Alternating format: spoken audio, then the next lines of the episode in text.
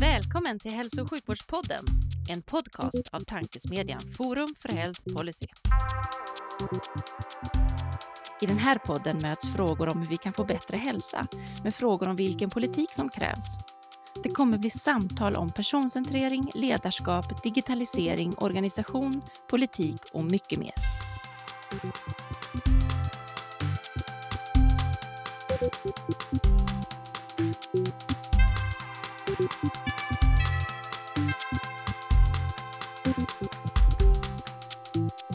Hej och välkomna till Hälso och en podcast av tankesmedjan Forum för Health Policy. Forum för Health Policy är en oberoende tankesmedja som syftar till att driva på innovation och utveckling i hälso och sjukvården och omsorgen. Jag heter Magnus Lejelöw och arbetar till vardags för Läkemedelsindustriföreningen, men är även styrelseledamot i Forum för Health Policy. Olivia Holm sitter glatt och trevligt vid min sida. Vem är du idag? Jajamensan, idag är jag som vanligt eh, också styrelseledamot i Forum för Health Policy, men annars policychef på Kry.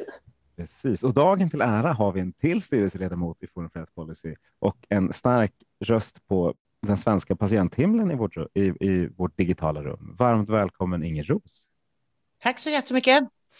Hon är inte bara en stark röst, hon är kunnig också. Eh, så vi kastar oss in i dagens första fråga. Hur tror du att svensk hälso och sjukvård ser ut 2040? Det var en utmanande fråga, men eh, jag tänker att jag börjar i det lilla. För eh, det finns en fråga som har följt mig väldigt, väldigt många år och det är att 80 procent av kostnaderna i sjukvården går till de med kroniska sjukdomar och man verkar aldrig komma till rätta med det. Och jag hoppas att man har gjort det så man faktiskt kan använda resurserna mera effektivt än att eh, vi ska lägga sånt som vi vet kostar mycket pengar. Det är den första utgångspunkten. Och då, får jag, då får jag bara hoppas eller tror du? Ja, jag tror. Jag vill tro, jag ja, tänker opinionsbilda för det. Jag vill tro att det ska vara så. Därför att det är ofta så, eh, både som medborgare och patientföreträdare, så knackar man ofta på dörren och säger att vi måste ha mer resurser. Men jag vill gärna ha utgångspunkten att jag tycker att det finns resurser som också kan användas på ett bättre sätt. Och det här är en sån utgångspunkt. Bra svar. Då ska inte jag avbryta mer. Fortsätt med, med din punkt två. Ja, så det var liksom den, den ena biten. Sen eh, tror jag att vi har kommit längre i personcentrerad vård. Eh, och det tror jag också är ett redskap till att kunna sänka kostnaderna för de med kroniska sjukdomar. Att det är en förutsättning för att det ska bli bra. Så det tror jag är nästa bit. Eh, jag tror också att vi i samverkan mellan olika aktörer, i samverkan mellan det offentliga, privata, eh, sam, eh, civilsamhället också har kommit bättre i förebyggande arbete och det vi också säger kallar egenvård eh, där vi kan använda oss av de digitala lösningarna som nu växer fram. Det är några saker. Ja, men det är jättebra svar. Nu fightas Livia och jag vem ska ställa frågor. Vi är båda sugna, så jag slänger över bollen till dig Livia. Vill du ta, ta fråga nummer två i vår faktaruta? Ja, men precis. Vi fortsätter. Um, om du liksom ser till andra system i eh, världen, vad skulle du vilja sno från andra hälso och sjukvårdssystem för att eh, förbättra den svenska hälso och sjukvården? Och varför? Mm. Det är också en utmanande fråga där, där jag har funderat väldigt mycket eh, för att hamna rätt utifrån den roll jag har. Eh, och då tänker jag att eh, det som eh, Norge och Danmark har lyckats väldigt bra med, det är fasta vårdkontakter. Eh, de har eh, oöverstigliga siffror i förhållande till oss i Sverige. Och det är en sån utmaning som jag tycker att vi, vi måste lära oss i Sverige. Eh, jag tänker också att vi behöver ha ett mycket, mycket bättre system där vi faktiskt kan leva upp till de lagar som är beslutade. Och då tänker jag på patientlagen. Och där har ju då både Norge och andra länder ett mycket bättre uppföljningssystem än vad vi har i Sverige. Vi fattade beslut om den här lagen 2015 och den är fortfarande en lag utan genomslag. Eh, och här ligger de här sakerna som vi är beroende av för att få en personcentrerad vård. Här ligger eh, fast vårdkontakt, här ligger bemötande, här ligger tillgänglighet eh, i de frågorna. Så det, det är sådana system. Så jag skulle vilja sno dels det här med fast vårdkontakt. Eller, vi har ju frågan på diskussion i Sverige, men vi lyckas ju inte. Det är ju en fråga som inte är ny. Men vi lyckas ju inte, utan den finns alltid på dagordningen.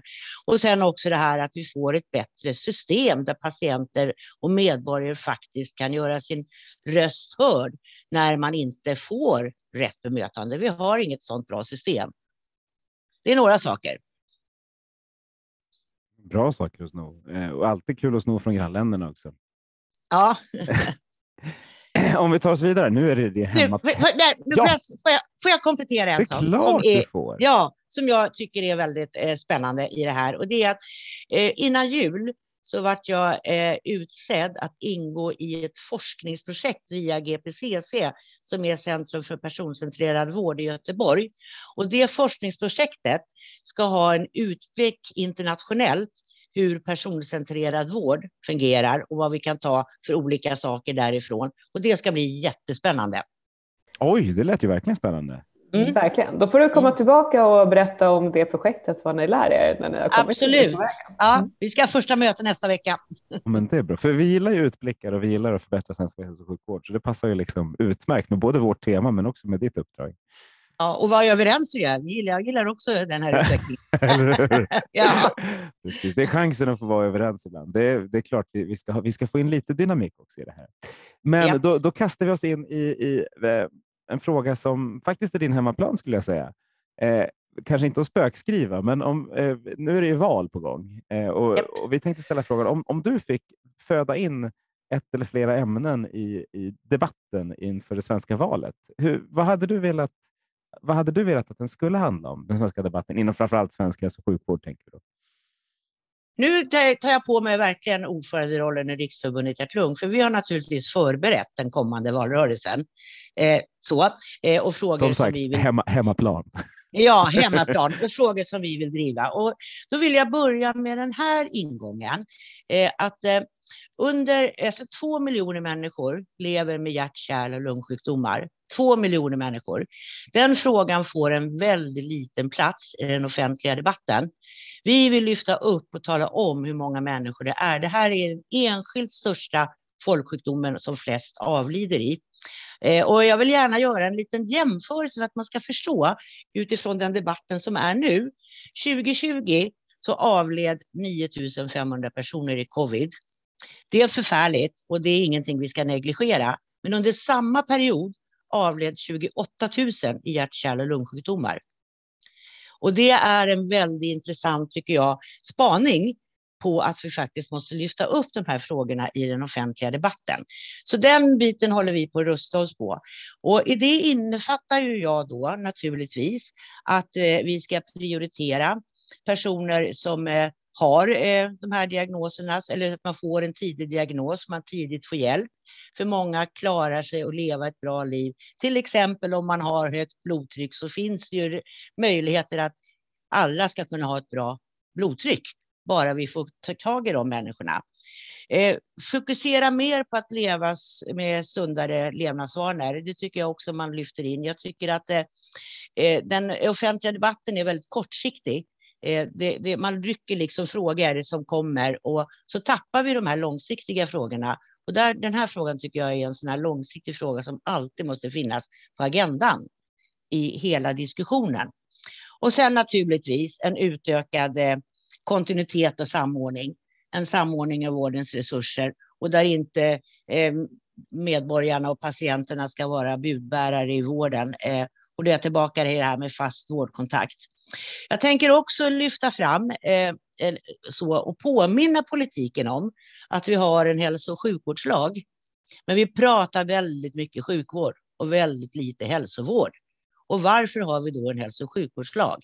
Och den frågan tänker jag också sätta på sin spets. Det är några saker. Det är en bra fråga. Vad, vad tror du att det kommer att handla om i valet 2022 då, inom hälso och sjukvård? Eh, eh, jag tror att det kommer att handla om vårdplatser. Jag tror att det kommer att handla om vårdskuld. Jag tror att det kommer att handla om vilket styrsystem man ska ha, om det ska förstatligas eller hur det nu ska göra. Det är några frågor jag tror att det kommer att handla om. Och sen kommer det bli såna här frågor som man plockar in ad hoc.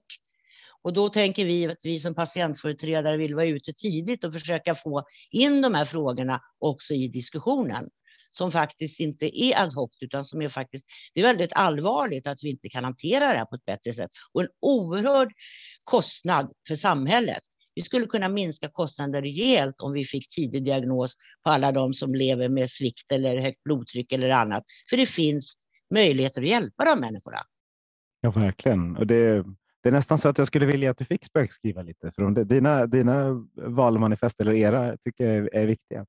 Du Livia, ska du... Du får väl fixa det då. Ja, eller hur? Ja, För, för, ja eller hur? för man har lite makt. Nej, just det. Eh, Ja, Livia, ska, ska du knyta ihop faktarutan?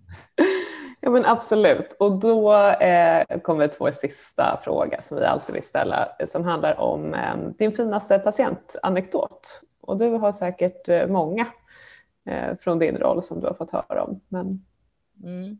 Jag har många eh, och jag har funderat väldigt mycket. Eh, och nu kommer ni kanske bli lite förvånade, men jag har ändå bestämt mig och jag har fått tillåtelse av min särbo att ta upp det här exemplet. Och det gör inte, rör inte hjärt-lung. Men jag är eh, så djupt imponerad och jag vill ta upp det därför att det här är för mig den bilden jag vill se i svensk hälso och sjukvård. Min särbo fick eh, en eh, tjocktarmscancer här i höstas. Det är ju inte roligt i sig, men eh, blivit så väl omhändertagen på ett fantastiskt sätt, gjort en operation och ska nu genomgå en cellgiftsbehandling. Det är en tuff resa naturligtvis, men med det stödet, det är så personcentrerat så det är fantastiskt. Med en kontaktsjuksköterska, med vårdplanering, med samordning, erbjudande om kurator, dietist, sjukresor. Jag fick erbjudanden om jag behövde någon att prata med. Alltså hela paketet är så personcentrerat så man känner verkligen att man är i fokus när man kommer till den här vården. Och jag vill lyfta fram det därför att jag tycker att det är ett gott exempel och det är det jag vill se i framtidens hälso och sjukvård för att jag tror att det skapar så goda förutsättningar. För det skapar att man tar bort oro. Alltså han har inte behövt ringa en enda gång och fråga, utan har- det har varit tydligt och klart. Det tar bort oro, det tar bort en onödig massa tid, eh, det tar bort en onödig massa provtagningar. Allting liksom fungerar. Därför vill jag lyfta fram det här som ett exempel väldigt bra. Och det där vill man ju djupdyka i lite mer. Hur kan vi få fler då att eh, arbeta på det sättet som, som de vårdgivarna som är inblandade för, för din särbo? Det blir jättespännande. Men Ja, jag tänker först så ska vi, vi har inte hunnit prata någonting om eh, dig ännu. nej. Eh, Kan du inte berätta lite? Vem är du? Vad är din roll idag och hur har du hamnat där? Lite bakgrund. Ja, alltså Inger Ros heter jag då, och jag bor i Tumba i Botkyrka. Eh, och eh, jag har en dotter eh, och jag har en gemensam vårdnad om Stella, vår lilla franska bulldog, en liten valp som är nio månader. Eh, och eh, jag är väldigt eh, intresserad av, så vi började av att läsa och jag tycker väldigt mycket om att i, vara i naturen, i skog och mark och jag älskar växter. Så när våren kommer och jag får vara i trädgården, då mår jag bra.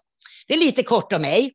Eh, jag är ordförande då i Riksförbundet Hjärt-Lung som är Sveriges näst största patientorganisation. Vi har 35 000 medlemmar.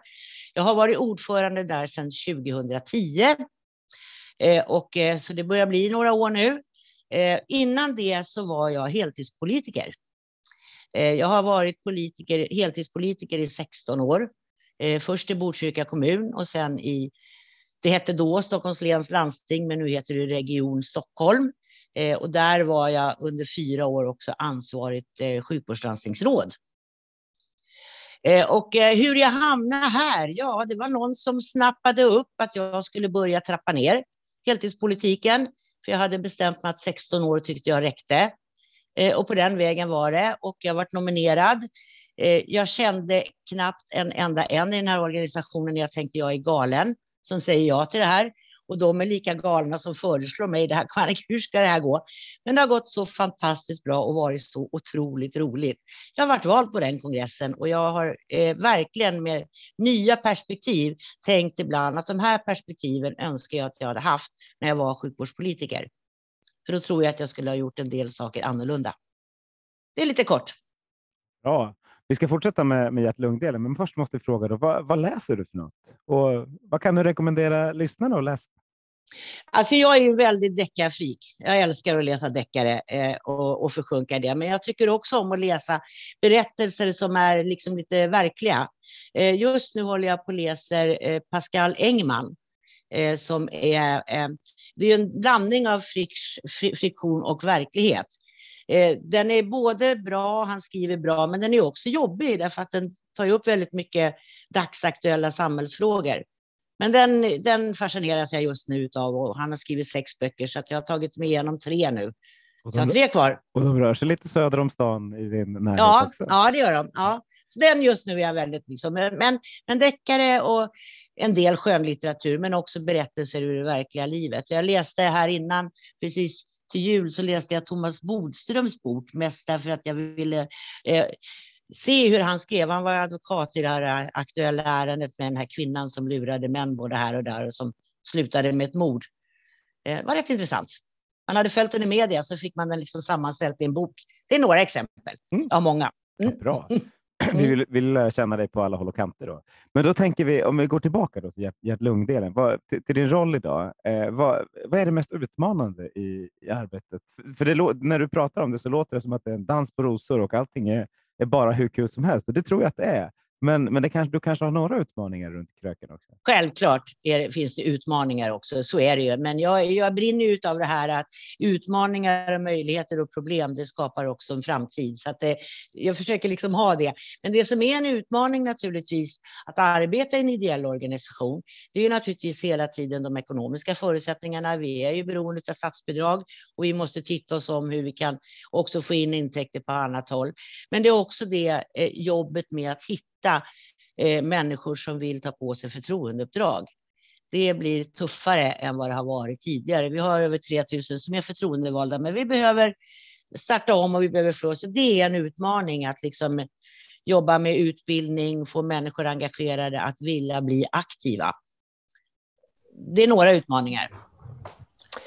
Jag är lite nyfiken, du som, som då har jobbat som eh, sjukvårdspolitiker och nu sedan länge företräder en stor patientgrupp. Vad är dina reflektioner kring varför det kan vara så svårt att få in patientperspektivet i styrningen eller i, liksom få, verkligen få så att säga, kraft eh, genom den politiska styrningen att patientperspektivet eh, slår igenom? Om du... Ja, så den frågan ställer jag mig varje dag. Jag vet inte riktigt varför det är så svårt. Jag, jag upplever under de här åren eh, att eh, vi har fått ett mycket större utrymme och finns med på olika, både nationellt och, regionalt i olika grupper. Mm. Väldigt många lyfter fram vikten av att patienter och patientperspektivet måste in. Men ibland upplever jag liksom också att det blir, eh, ja det står på ett papper, men det blir på riktigt. Mm. Och jag vet inte hur man ska få detta på riktigt. Att det riktigt blir verklighet. Att se. Eh, alltså, alla behöver ju ha det här för ögonen. Alltså, jag tror ju liksom att alla som jobbar inom svensk hälso och sjukvård, de gör ju det därför att de brinner för det också. Men de måste frigöras ifrån en en organisation och sätta sig i patientens kläder och se patientens resa i vården. Och där kan ju vi bidra på ett väldigt mycket bra sätt. Till exempel håller man på att plocka fram massa kvalitetsparametrar. Jag är oerhört tveksam till om patienterna frågar efter alla de här parametrarna, utan det är någon annan som gör det. Alltså jag, det är många bottnar och jag kan inte ge ett fullödigt svar. Det här är något jag brottas med varje dag och tar upp i alla forum. Att vi måste få en mycket, mycket bredare patientmedverkan och ytterst då medborgarmedverkan naturligtvis. Och du är inte ensam om att lyfta den. Det är många som ser att, liksom, att vi saknar den fullödiga patientmedverkan som vi skulle vilja ha. Ser du att eh, om man tittar framåt, eh, den här perfekta vården 2040, där vi faktiskt är preventiva och där vi liksom, eh, där patienten är en, är en del av vården. Eh, Använder vi digitala hjälpmedel eller är vi analoga eller gör vi en kombination? Och hur gör vi i så fall för att få, få en mer delaktig patient? Jag tror att det blir en kombination. Eh, men jag tror att det digitala kommer att ta över, eller jag vill tro det, för jag tycker att det är liksom är, är utmärkt sätt att, att eh, liksom bredda både demokratin och perspektivet och möjligheten. Och det underlättar ju också patientperspektivet om vi inte behöver hålla på och åka land och rike runt utan att vi kan använda digitala verktyg. Men jag tror också att vi behöver ses ibland. Så jag tror att det är en blandning eh, man, som vi ser. Och om man då tar liksom databiten eh, där bakom. Eh, vilken data vill era patienter dela med, med Svensk hälso och sjukvård? Ja, alltså jag, vad jag kan, jag har ingen eh, alltså hundraprocentig eh, korrekt uppfattning om det, men jag tror att man är beredd att dela all sin data i stort sett. Eh, det har ju pratats eh, i ja, hur många år som helst om en patient, en journal. Eh, det är inget nytt. Och väldigt, väldigt många, i alla fall de medlemmar jag träffar och även kompisar och vänner, tror ju att det fungerar så idag. Men det gör det ju inte. Så därför så tror jag att de allra flesta är beredda att dela sin data. Jag tror att det är vården mera som är orolig. Jag, när, för ett antal år sedan så fick jag liksom svaret, ja men vi kan inte lämna ut, tänk om vi har en patient som har haft psykiska problem, då syns det tio år senare. Ja men det är väl vårdens sak att inte klassa den människan för det, det var tio år sedan, utan utgå från här. Men det kan vara en viktig kunskap. Jag, jag har svårt att se att det är något som skulle hindra. Du pratade om hälso och sjukvårdslagen innan. Tror, tror, tror, du att era patienter är intresserade av att dela data som är utanför vården också? Alltså det som deras smarta klockor och, och telefoner och så där bidrar med? Det är svåra frågor, jag vet, så du får gissa. Ja, det är en svår, det är en svår fråga. Alltså, jag, jag, tänker nu, vår, vår medlemsgrupp är ju rätt ålderstigen eh, eftersom eh, det är så svårt att hitta de här diagnoserna tidigt, så väldigt många har ju blivit, hunnit bli sjuka. Eh, och det blir man ju ofta när man kommer upp i åren. Men jag tror om vi tittar 2040 framåt så tror jag att de nya generationerna är beredda att göra det. Ja, bara liksom en egen reflektion. Är det inte lite så, tänker jag, att människor eh, överlag är villiga att dela data om man ser att det bidrar till något mervärde för en själv? Alltså ger det mig någonting att dela data? Vad får jag tillbaka? Att bara dela en massa data utan att känna att det underlättar livet eller förbättrar min hälsa eller ger mig mer kunskap, ja, det är inte intressant. Så det är i relation, tänker jag, till vilka tjänster som utvecklas på den datan man delar. Absolut, det, håller, det håller jag med om. Mm. Det var en bra kom komplettering, absolut. Men på frågan om man är beredd så tror jag att man är det. Men jag håller med dig, man måste ju se resultatet av det också. Ja, vad får jag för det, helt ja. enkelt. Ja. Mm. Eh, men, men du var inne lite på, på prevention och det här med hälsodata, det, det verkligen kopplar också an till Eh, prevention. Men vad ser du är liksom de viktiga områdena som vi skulle behöva ta tag i i den svenska hälso och sjukvården för att jobba mer preventivt? Eh, och och liksom vem ska ta lid i hur vi ska eh, få fart i det arbetet? Mm. Alltså, eh, om jag börjar med, med, med de som redan har blivit sjuka Eh, så där behöver ju, tycker jag, eh, sjukvården ta lid för att eh, stärka eh, patienterna eller personerna till att också eh, leva med sina kroniska sjukdomar. De lever man med dygnet runt. Man är väldigt kort tid i vården, men vårdens ansvar måste vara att ge redskapen till egenvård så att man kan må bättre. Och där vår organisation är ett fantastiskt redskap där vi jobbar med livsstilsförändringar och så där liten passus. Men det, där, och där tror jag då att sjukvården måste, måste ta ett ansvar att liksom det här fungerar. Eh, sen så tror jag att det här kommer måste behöva vara en kombination. Alltså jag tror att det behövs nationella beslut. Det har gjorts några sådana försök och det har ändå fått lite genomslag att man liksom jobbar med folkhälsan. Och då måste man ju göra det på ett sätt så att det inte blir så kravfyllt. För folk är ju väldigt benägna av att, att liksom man vill inte ha massa krav på sig, men på ett bra sätt berätta hur man faktiskt kan må bättre med ganska små förändringar. Och där det tror jag är ett gemensamt ansvar. Sen tror jag civilsamhället eh, är också en viktig ledare i det här. Och de gör ju sitt. Så att jag tror att det är många delar som ska leda det här arbetet. Men sjukvården är för de som är sjuka, men också för att bidra med kunskap och kompetens de har ju ändå faktaunderlag vad som faktiskt eh, innebär med, med om man gör olika saker eh, rätt, på rätt sätt. Så att eh, sjukvården är en viktig utmaning att eh, liksom också jobba hälsofrämjande. Men jag tror också att, att leda, eller hur ska jag uttrycka det, leda det här handlar ju liksom också om att det måste finnas politiker som vågar se långsiktigt. För att annars kommer vi inte komma till rätta med det här. Jag är helt övertygad om det. Kortsiktiga lösningar, det blir ingenting och väldigt mycket som är hälsoinriktat i, i, blir i projektform. Och så har man ett projekt i två år och sen läggs det här projektet ner och det implementeras inte och så blir det ingenting av det. Så att ska vi nå långt med hälsotänket, då måste vi också ha långsiktiga lösningar.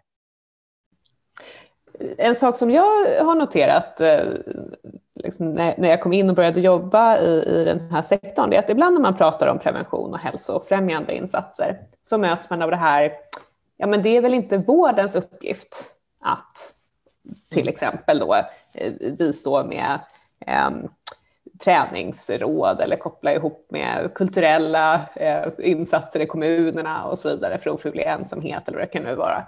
Eh, är man överens om vart, vart hälso och sjukvårdens så att säga, uppdrag gentemot befolkningen börjar och slutar, tror du? Uppenbarligen inte. är det ju inte så. Alltså jag tycker att det du säger är en rätt bild. Men jag tycker det jag säger att vi har en hälso och sjukvårdslag mm. eh, ger en annan bild. Och då måste man ju fundera varför jobbar vi inte på det sättet då? Precis. Sen kan man ju också fundera, alltså vården har ju ändå inom sitt paraply många som har den här rollen, fysioterapeuter och arbetsterapeuter och annat som ingår i vården. Så man kan ju inte frånsvära sig det mm. ansvaret. Jag tycker inte det. Mycket bra. Ja, både Livia och ah, bra där. Det är jättesvårt när man är två på sitt digitalt. Du är så pratsugna som jag Livia och veta vem som ska prata. Eh, och nu när du har all, all vishet du har efter tio år som eh, ordförande i Hjärt-Lung, vad, vad hade du gjort annorlunda som politiker? Du sa att jag hade nog tänkt lite annorlunda. Vad, vad tror du att du hade gjort annorlunda? Ja, men den ena biten som jag är övertygad om att jag gjort annorlunda, det är att jag hade satt mig mycket mera i patientens skor än vad jag gjorde. Jag, jag, jag, var nog liksom också där lite grann att man, man kommer ju, man har massa tjänstemän omkring sig och man har medborgare omkring sig och man har andra politiker omkring sig. Och man blir lite fångad i, i det. Jag tror med den kunskapen jag har idag så hade jag nog lyft blicken ännu mer än vad jag gjorde. Jag gjorde en hel del saker som jag är stolt över, men, men jag hade ännu mer satt mig i patientens skor och drivit den här frågan av hur faktiskt patientens resa i vården, hur bedrövlig den är på många sätt och vis. Det tror jag. Och det har jag lärt mig de här åren på ett helt annat sätt. Det är en sak. Ja, det låter som en rimlig sak. Är det något annat du tror? Så här? Det, det här hade jag kunnat göra ännu bättre om jag, om jag faktiskt hade haft patientperspektivet. Förlåt för en svår fråga. Jag vet, rannsaka sig ja, själv för tio år sedan. Gäller, ja, just det. Det, det är inte helt enkelt att saka sig själv på det sättet. Nej, men alltså, nej, jag tror att det här är den utgångspunkten som jag är, är, har faktiskt fastnat i mig. Att eh, hur, hur annorlunda det är. Och ändå tyckte jag när jag var politiker att jag var ute i myllan och träffade människor och annat. Men det var ändå liksom så att det kom andra perspektiv från vården. Och jag är säkert i likhet med många andra att man, man, man ska naturligtvis lyssna på alla och de har sett till sina synpunkter. Men jag hade nog varit mer påstridig. Ja, men gör ni det här nu för organisationen eller gör ni det för att det ska bli bra för patienten? Jag tror att jag hade varit mer påstridig. Mm. Du var inne lite grann på eh, digitala verktyg som en del av, av eh, ett mer personcentrerat arbetssätt i framtiden, stödja med egenvård och så. Eh, hur skulle vi kunna bli bättre på att introducera och skala upp nya tjänster och innovationer för patienter i vården? Ja, men alltså det är ju att vara öppen för att det faktiskt kommer innovationer och annat. Jag, jag, jag tänker väldigt mycket på det här med egen monitorering.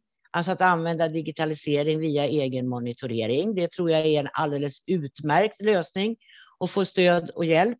Eh, jag tänker också att det kommer en massa eh, olika sätt att eh, ha kontakt in i vården om vi har utrustning hemma. Vi kan snabbt skicka iväg vårt blodtryck, vi kan skicka iväg olika saker. Det tror jag också är en sån här utmärkt sätt att både spara kostnader och spara resor och göra det lättare för patienten.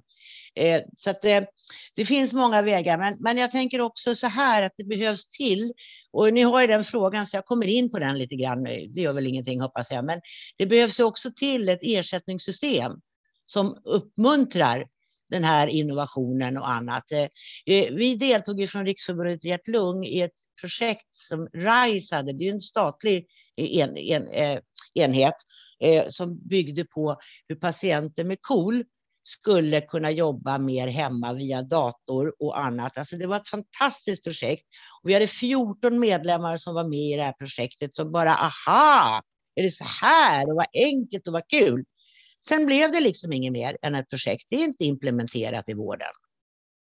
Alltså, och, det, och det här är ju någonting, och då måste det ju finnas någon, någon pool tillbaka liksom, så att det implementeras i vården. Och då tror jag ersättningssystemen, de får inte vara så så eh, trubbiga som de är idag. Det måste finnas en mycket större flexibilitet i ersättningssystemen så att man uppmuntrar nya innovationer så att det inte bromsar där.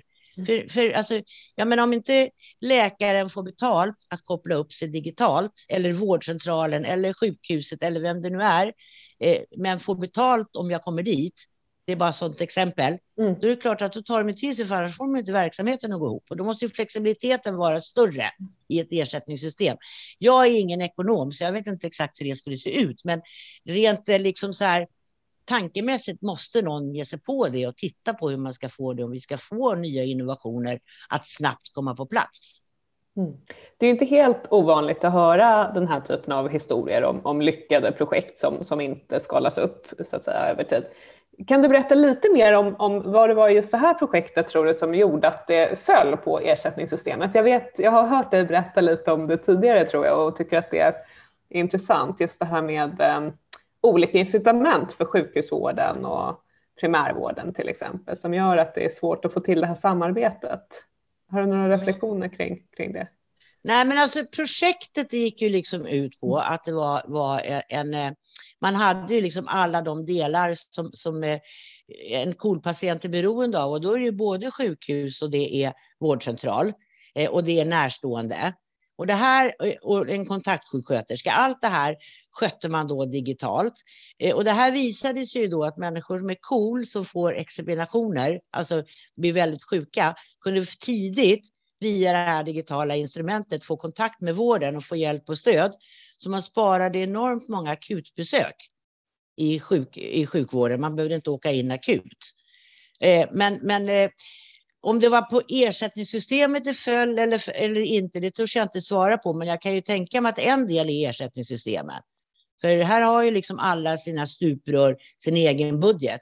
Och det finns inte ett ersättningssystem som följer patienten. Eh, på det sättet.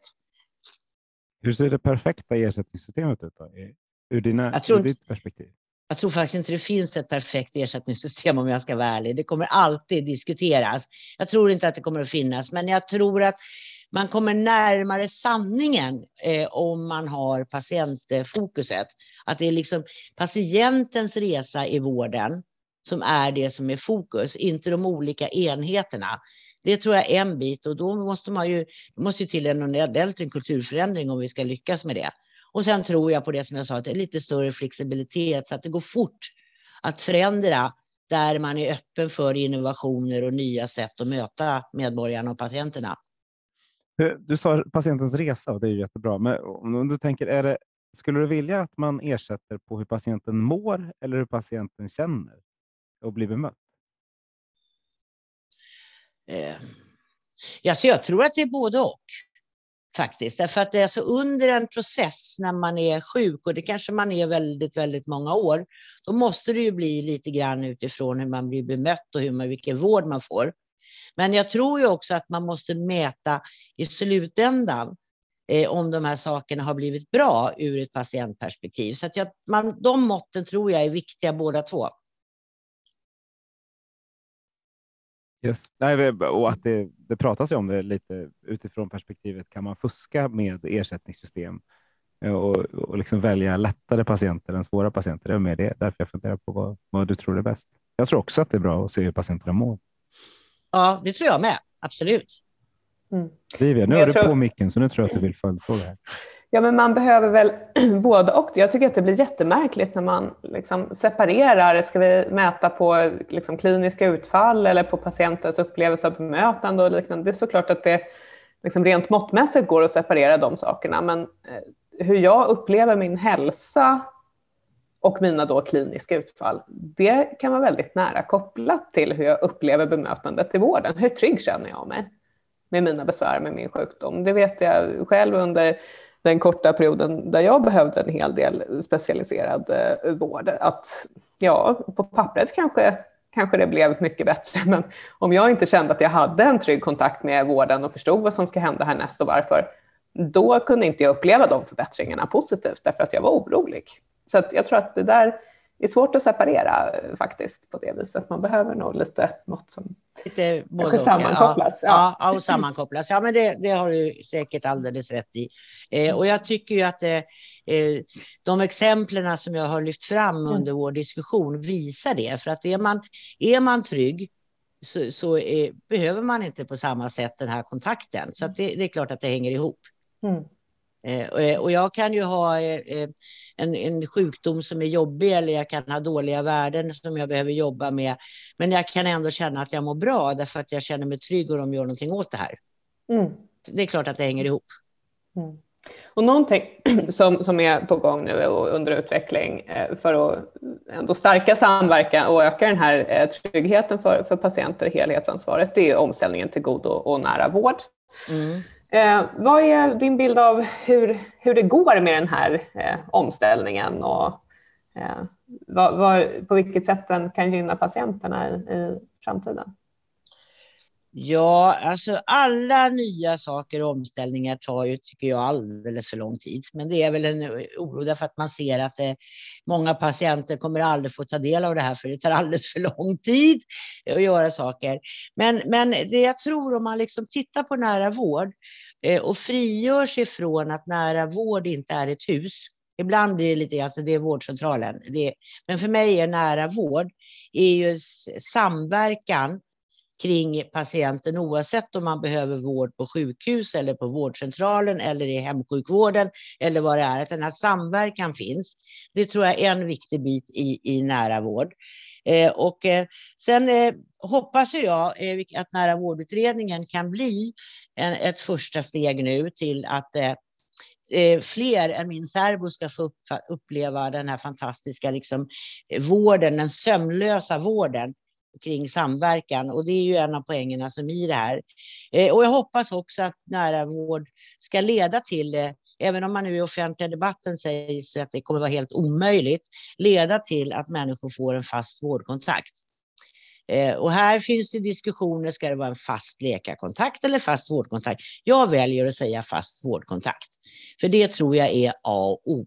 Och det behöver inte alltid vara läkaren.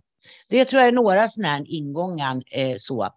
Eh, sen har vi ju, eh, det vet ju du också Olivia och det vet flera, liksom att det här med samverkan, det är ju en sån här fråga som är hela tiden diskuteras och det blir liksom ingen lösning. Jag hoppas att nära vårdutredningen, för jag tycker de har pekat på väldigt många bra saker, att det skulle kunna vara nyckeln till att öppna upp för en bättre samverkan. Eh, många ropar ju ofta på nya organisationer, eh, vilket jag tycker är en galen utgångspunkt. Därför att då, då, tar fokuset, då blir fokuset på organisationen, inte på målet. Och man måste först identifiera målet. Och då tycker jag att nära vård ändå har gjort det. Eh, där man har lyft upp patientperspektivet väldigt, väldigt tydligt. Toppen. Och vill ni höra mer om vad Inger tycker om, om nära vård så rekommenderar vi Nära vårdpodden som hade en, en lång och bra intervju med dig för tre månader sedan. Mm. Vi rekommenderar gärna våra systerpoddar. Eh, jo, du, som sagt, nu, nu ska du få använda dina två hattar. Här. Din tidigare hatt som, som regionalpolitiker och din hatt som ordförande i Hjärt-Lung. Och så kommer frågan, ska vi ha, styra Sverige regionalt eller nationellt? Eh, alltså jag har, eh, tycker inte att, nu är, nu är jag liksom privata. Vi, som organisation har vi inte tagit ställning och ger oss inte in i, i den diskussionen om vad vi, hur vi ska vara. Men alltså jag tror inte på en statligt styrd organisation. Jag tror att det kommer bli alldeles för komplicerat. Det kommer ta alldeles för lång tid innan vi liksom, och så är vi tillbaka på ruta ett. Däremot så tror jag att staten behöver ta ansvar för vissa saker. Och en av de sakerna är, är infrastrukturen att liksom på vilken nivå ska jag ligga för att vi faktiskt ska få de här komparativa systemen och få det här att fungera. Och man behöver kanske också eh, se över och modernisera viss lagstiftning, för den får i alla fall vi ofta i halsen att det här går inte att genomföra för att det sätter lagstiftningen stopp för. Så det är några saker som jag tror är nationellt. Sen är det lätt att fastna i det här med men region, jag ska inte landa i hur många regioner jag tycker att det ska vara. Jag vill bara konstatera att när man diskuterar den diskussion, eller har den diskussionen om färre regioner, så måste man också ha i åtanke att skillnaden till exempel för att få en jämlik vård inte bara handlar om antalet regioner, för skillnaderna är inte obefintliga även inom samma region. Vi har enorma skillnader också inom samma region. Så att, eh, jag tror att man lätt kan luras att vi får en bättre sjukvård om man minskar antal regioner och man inte funderar på vad vi ska uppnå målet. Eftersom jag menar, Stockholmsregionen är ett praktexempel på hur skillnaderna är inom, inom en region. Och så ser det ut i hela landet. Mm. Så det är några reflektioner. Men det är bra. Hur många regioner ska vi ha? Då? Det vet inte jag. Jag har ingen uppfattning om det. Eh, nej, men jag har ingen uppfattning om det. Jag, jag tycker det är väldigt svårt. Eh, jag vill mera fokusera på att ja, ska vi diskutera färre regioner, tappa då inte bort att vi har skillnader som är väldigt stora också inom en region. Så jag tror inte man löser frågan om en jämlik vård eller det på, på att minska antalet regioner. Man kanske löser andra saker. Men en jämlik vård är ändå det som både lagstiftare och annat vill se i Sverige och vi har långt kvar dit.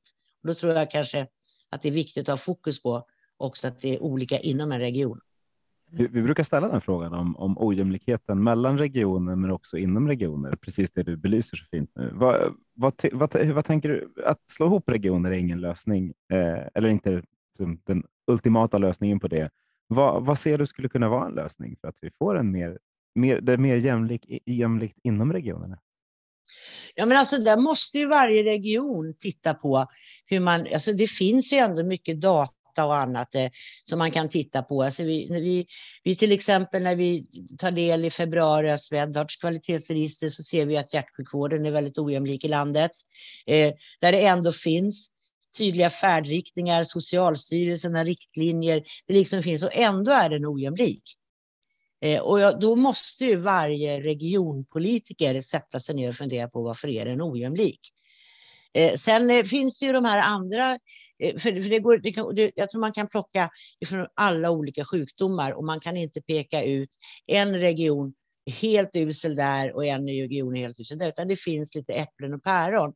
Men en sak som väl ändå är ganska tydlig, det är ju att man behöver styra resurser till områden Eh, ja, socioekonomiskt eh, svaga områden eh, till områden där man behöver verkligen jobba med sin hälsa och annat. Så att det, det är många liksom bitar som jag tror behöver in för att vi ska få en jämlik vård.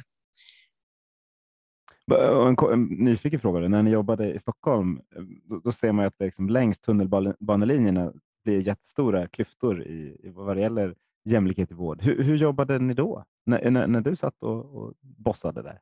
Ja, alltså då är jag ändå ganska stolt över. Eh, eh, och då var ju Katarina, får man säga det, annars får vi klippa det. Hon var ju ekonomiansvarig under den tiden som jag var eh, på hälso och sjukvårdsförvaltningen, så vi jobbade precis. väldigt nära. Ja. Katarina eh, som, som då är chef över Forum just nu, så det får man, absolut, det, det får man absolut säga.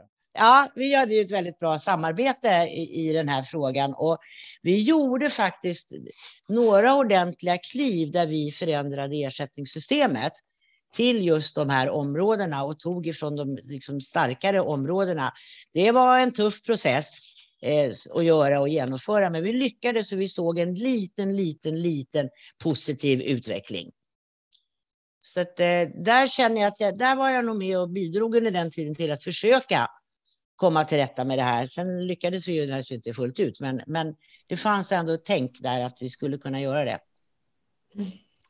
Du var inne lite grann tidigare på eh, patientlagen eh, som vårdanalyser kallar lag, lagen utan genomslag.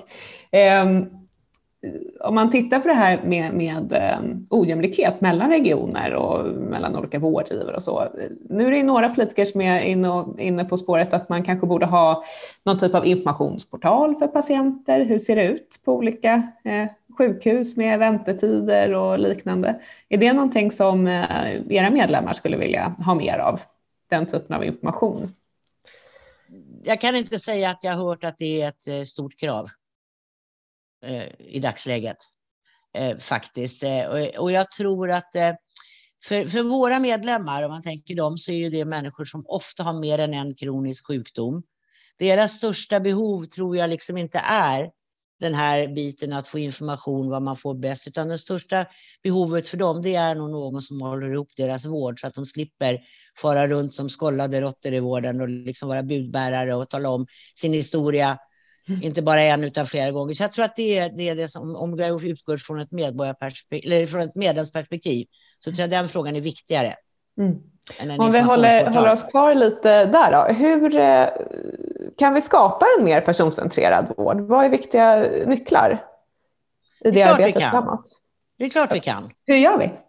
Ja, men alltså det är ju, någonstans eh, så måste ju liksom varje, eh, varje människa som jobbar i vården måste ju sätta sig i patientens skor och fundera på hur kan jag göra bäst för den här individen så att det går in i magen varför man ska jobba personcentrerat.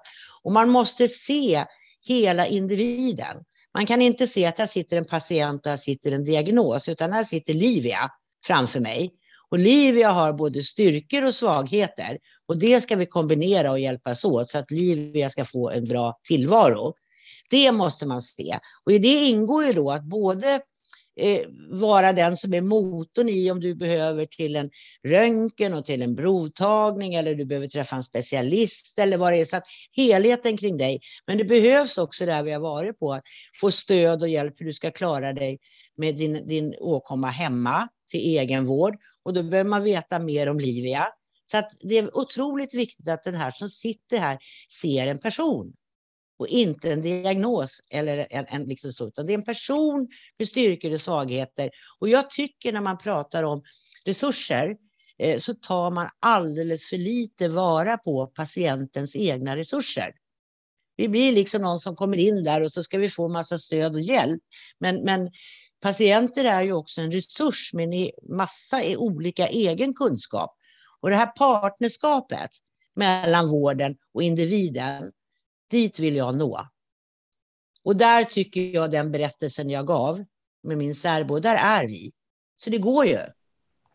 Vad är det du det här tror... jag tror också, jag säga, det här är också jag tror är nyckeln till att kunna sänka att inte 80 procent av kostnaderna går till de med kroniska sjukdomar. Jag tror vi har mycket att vinna här.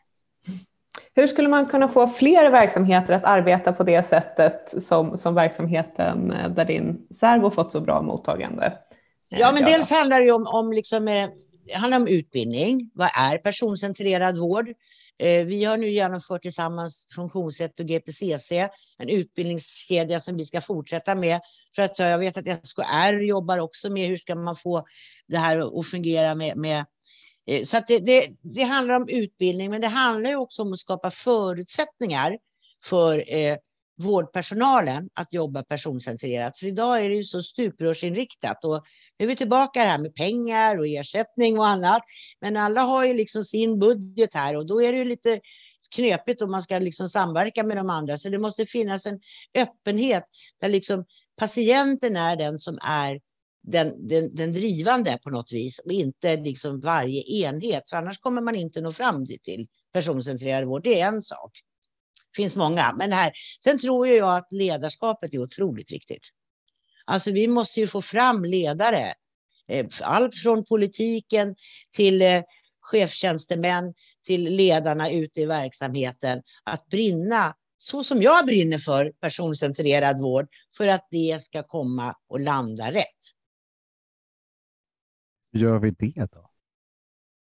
Ja, men jag tyckte jag försökte säga det. Ja, men jag tänkte just, ja, men just ledars, ledarskapet. Är ju inte, alltså, ledarskapet handlar ju delvis om kunskap och utbildning, men det handlar också om, om kulturförändring som du pratade om. Hur, hur, får, man, hur får man ihop det för att, för att vårdens ledare ska styra åt, åt det hållet? Det är en väldigt bra fråga som jag inte riktigt vet om jag har något bra svar. Men vi måste ju ha Eh, engagerade ledare som faktiskt eh, har det här fokuset. Och det, det handlar ju om eh, vad vi ställer för krav. Eh, på de vi anställer som ledare, på vilka som blir ledarna. Det är naturligtvis ett kravställande att vi får ledare som har den här öppenheten, men jag tror också att vi måste ha eh, och jag kan inte hela Sveriges hälso och sjukvård i den utgångspunkten. Det ser säkert väldigt olika ut, men vi måste också ha ledare som har, har mandat att göra vissa saker Eh, så att inte någon annan kommer in. Så det handlar ju också om ett mandat för att det ska bli en god ledare. Uppdraget ska vara tydligt och klart och så ska det handla om ett mandat. Jag ser inte det något annorlunda än att jag är ordförande i Riksförbundet Hjärt-Lung. Vad mitt uppdrag är och mitt mandat är. Men jag måste ju hela tiden gå tillbaka till medlemmarna och få liksom den här kopplingen att gå ihop. Och det måste också en ledare göra med sin personal och med andra för att det ska funka. Det är, det är några tankar. Mm, ja, det är bra. Det är ju ingen lätt fråga, det säger jag Nej. inte. Men det är en liten nyckelfråga som kommer upp rätt ofta, eh, ja. eller kommer upp varje gång skulle jag säga. Ja, men det är ju en fråga som hela tiden, alltså det säger man ju väldigt ofta. Eh, jag tror fortfarande att det är så, även om jag har använt det i ganska många år. Så, så ledarskapet har ju ofta diskuterats i offentlig verksamhet och i andra verksamheter. Det handlar inte bara om sjukvården, det handlar om skola och det handlar om allting. Och ibland så tror jag att det är för enkelt, nu kanske jag får pisk, men det struntar jag i, för enkelt att bli ledare. Att man blir ledare kanske därför att man är en duktig lärare eller ledare därför att man är en duktig läkare eller ledare för att man är en duktig sjuksköterska. Men det betyder inte att man har de bästa ledaregenskaperna. För en ledare kanske inte behöver all formell kompetens på själva sjukdomen, utan ledarna behöver en kompetens att liksom se vart ska vi i en kombination. Så att jag, jag, jag, det här är en väldigt viktig fråga. Jag tror inte att du får pisk, men däremot tror jag att du delar upp lyssnarna i två läger. En del som verkligen håller med dig och en del som inte alls håller med dig. För det här är en sån fråga som, som faktiskt splittrar hälso och sjukvården lite om, om vilka som ska vara ledare. Mm, jag vet. Hur, eh, har, har, du några goda råd till, till eh, de som blir ledare inom svensk hälso och sjukvård? Nej, men jag tyckte jag var inne på det. Jag tycker alltså att en, en, en, god ledare måste vara en god lyssnare, måste vara öppen för eh, nya saker, för innovationer, för möjligheter. Eh, och eh, det är väl de kraven jag tycker man ska ställa på en ledare och att inte liksom att ha, vara lyhörd. Mm. Både utifrån sitt uppdrag att vara chef för en personalgrupp, men också sitt uppdrag som jag tycker man har, att patienterna, i det här fallet då, ska få en bra vård. Och det är bra. Jag tyckte också du var inne på det, men frågorna hänger ihop lite till och från, ja. så man får ju borra lite vidare. Livia, jag slänger över bollen till dig. Flera tidigare eh, gäster har ju varit inne eh, på att pandemin har testat eh, våra strukturer, arbetssätt och också ledarskapet eh, i vissa sammanhang. Man har varit tvungen att arbeta annorlunda. Eh, vad tar du med dig för lärdomar från tiden vi har haft nu under pandemin? Vad har varit eh, positiva förändringar som man kanske skulle vilja hålla fast vid framöver?